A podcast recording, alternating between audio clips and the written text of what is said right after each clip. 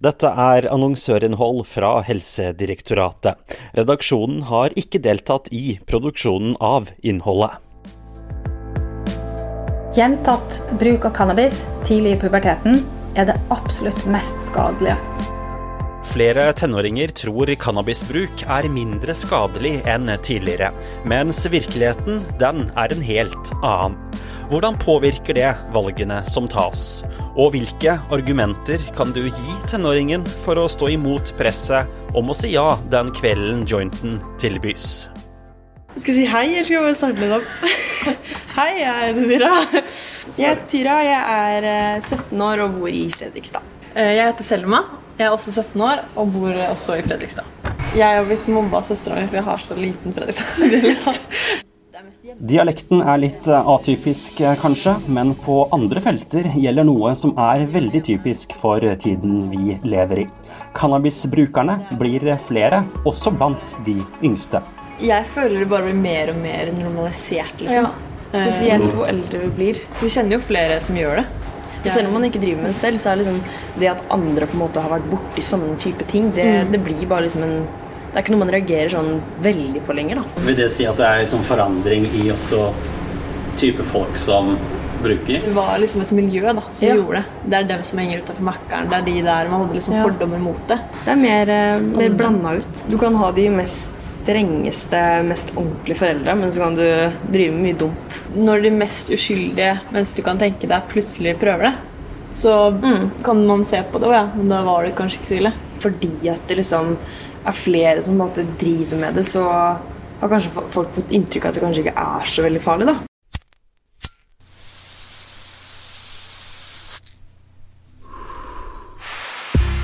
Sist vinter gjennomførte Helsedirektoratet en større undersøkelse om holdninger og erfaringer knytta til cannabisbruk.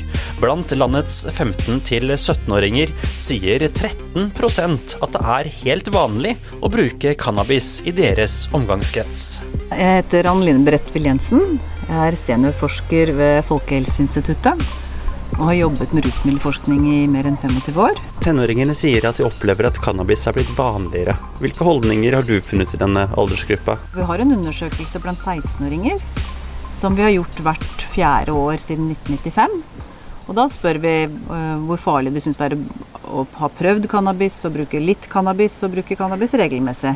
Ungdom det, tenker at det er mye mindre risikofylt nå enn det de tenkte for 10 år siden, eller 15 eller 20 eller 25 år siden. Og det er litt paradoksalt, fordi at cannabis egentlig er blitt farligere. Og jeg tror ikke at ungdom vet så mye om det, og jeg tror i hvert fall ikke foreldra deres vet så mye om det. Dette har jo gått litt under radaren, tror jeg, for, for veldig mange. At hasjen da, spesielt har blitt så mye sterkere enn det den var bare for noen få år siden. Og så har vi den andre delen av cannabis, som vi kaller for hasj. Tjall, brunt, grønt, weed, bønne, gress, pott eller jazztobakk. Cannabis har kommet med mange navn gjennom flere generasjoner. Men de siste årene har det skjedd noe vesentlig med selve stoffet. Mitt navn er Leidolm Magelsen, og jeg er ansatt her som eh, avsnittsleder for eh, avsnitt for planter og dopingmidler. Kriminalteknisk avdeling ved Kripos. Disse styrkegradene som du ser utenpå på emballasjen her, det er styrkegrader som vi har målt her hos oss. Da, i de aktuelle beslagene. Og det er særlig cannabisens virkestoff, også kjent som THC, det har skjedd noe med. Hvis du går tilbake en eh, tiårsperiode og litt lenger, så eh, var hasj eh, gjerne veldig stabil i forhold til innholdet av, av THC.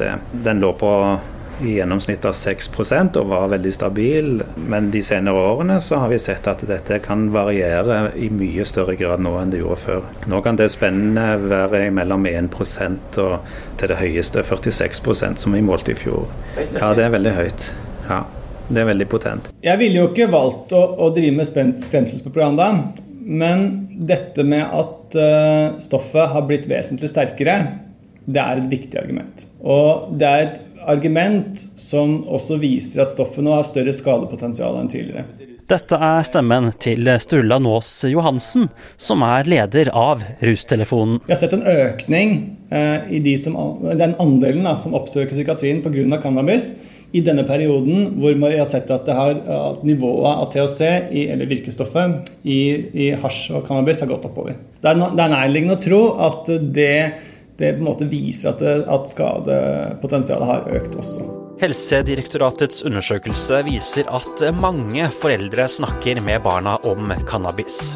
Og det at stoffet er blitt sterkere, bør definitivt snakkes om, mener Sturla hos Russtelefonen. I hvert fall eh, sånn som det er nå, så er det ganske mange ungdommer som må ta stilling til om dette er et rusmiddel de skal forsøke eller ikke. Ungdom som har foreldre som, som ikke sier noe om disse tingene i det hele tatt, da vet jo ikke ungdommen nødvendigvis hva som er greit. da. I Helsedirektoratets undersøkelse svarer også mange ungdommer at de syns det er vanskelig å finne god informasjon om cannabis. Vi får god, altså sånn, vi får god på en måte, kunnskap og informasjon fra skolen, men ikke nok. Vi vet ikke nok om det. Vi får bare vite at det, ok, for en prikk så kommer du ikke inn i USA på det, og det er det. Jeg har jo snakka med folk som er for det, og det føles som de lager argumenter for, og de lager forskning med gjengene sine. At nei, men det er bra. Det, er, det er bare ekte her i Fredrikstad. Det, finnes, det, er bare, det er bare bra, det. De er så sta. Ja. De, er så, de er så fast bestemt på at det her går helt fint, og at det, de, at det ikke er noe problem. da. Og det gjør det veldig vanskelig for oss som faktisk har gode argumenter for at det ikke kan være greit. da. Sturla, hvordan kan en prat med tenåringen om cannabis hjelpe hun eller han seinere? Det er viktig at ungdommen har tenkt gjennom problemstillingen og har på en måte gjort seg opp en egen mening. For da er man ikke så usikker når du står i en situasjon hvor du eventuelt må velge. da. Hvis du på en måte vet hvorfor du har valgt å si nei, f.eks., så er det lettere å argumentere for det valget i den situasjonen senere. Men så var det dette med å ta denne praten. Her har Sturla et par gode tips til alle voksne. Og gjerne ta utgangspunkt i nyhetsbildet eller eh, ting som dukker opp, slik at det ikke blir sånn veldig unaturlig. Hei, i dag skal vi snakke om cannabissømmen! cannabis, eh! Ikke sant? Det, det nytter ikke helt. Da blir det veldig kleint. Eh, Men hvis man måtte Ja, men du, jeg hørte på radioen i stad at det var snakka om legalisering av cannabis. Hva tenker du om det? Ikke sant? Ikke si at Nei, det syns jeg er forferdelig dumt. Det, er ikke du enig i det? Men hva tenker du om det? Og så hører du hva ungdommen tenker. Og så kan man si Å ja, ja, det var interessant. Ja, jeg tenker sånn og sånn. Og så kan man se er det mulig å nærme seg her. Kanskje var man helt enig, det er helt supert. Eh, kanskje så må det argumenteres litt for begge retninger. Men det er på en måte ikke om å gjøre å argumentere for å overbevise ungdommen din. Det som er viktig her, er at du skal være, vise interesse, og at man skal ha en, en god samtale om det. Skal praten være grensesettende? Hvis du ikke syns det er greit at uh, ungdommen din bruker cannabis, så er det viktig å flagge det. Så er det viktig å flagge hvorfor. Da må vi helt i andre enden for å komme til Ja, én grunn kan jo være at eh, cannabisen altså er blitt vesentlig sterkere, noe som kan være skummelt særlig for tenåringer. Men det fins også mer. Mitt navn er Merete Vevelstad. Jeg er overlege ved Avdeling for rettsmedisinske fag ved Oslo universitetssykehus. Merete Vevelstad har jobba med rusmiddelfarmakologi i hele 22 år. Hvis det er én ting alle som er opptatt av cannabis skal eh, være kjent med, så er det at cannabis er mye mer skadelig tidlig i puberteten enn hos voksne. Hvorfor det? Fordi hjernens cannabissystem, der hvor cannabis virker, det er helt avgjørende for normal hjerneutvikling eh, som skjer i puberteten. Når man røyker cannabis i puberteten, så passiviserer det hjernecellen i særlig de områdene eh, av hjernen eh, hvor man lærer belønnings- og mestringsfølelse, hvor du lærer stressregulering, hvor hukommelsen sitter, og hvor klokskapen sitter. Når man røyker hasj, så forstyrres læringa, den fintuninga som skal pågå i puberteten. Nettopp for å få god brain power. Det gjør noe med egen, evnen til egenmotivasjon, stressmestring, eh, evnen til læring og eh, hverdagsglede. Og det er dumme ting å tukle med. Det er jo utfordringa at eh, på mange måter så er det løpet kjørt. Du har de årene på å eh, legge til rette for best mulig eh, vekst og modning av din hjerne.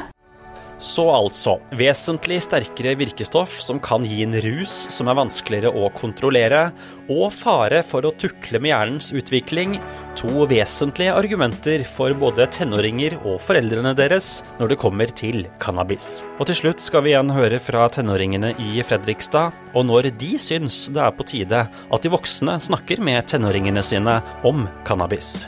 Kanskje tiende første videregående hvis det her blir en vanlig Ja. utvikling. At det blir så normalisert som det er nå? Eh, snakke om det like mye som man snakker om andre ting som ikke er greit. Da, som mm. alkoholbruk og sånne ting. Sånn fra eh, kanskje sent på ungdomsskolen. Da. Ja.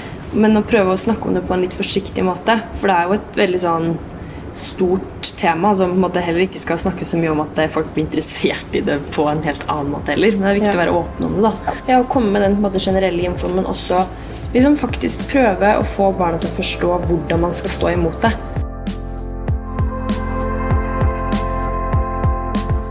Du har hørt annonsørinnhold for Helsedirektoratet, produsert av annonseavdelingen Schibsted Partnerstudio. VGs redaksjon har ingen rolle i produksjonen.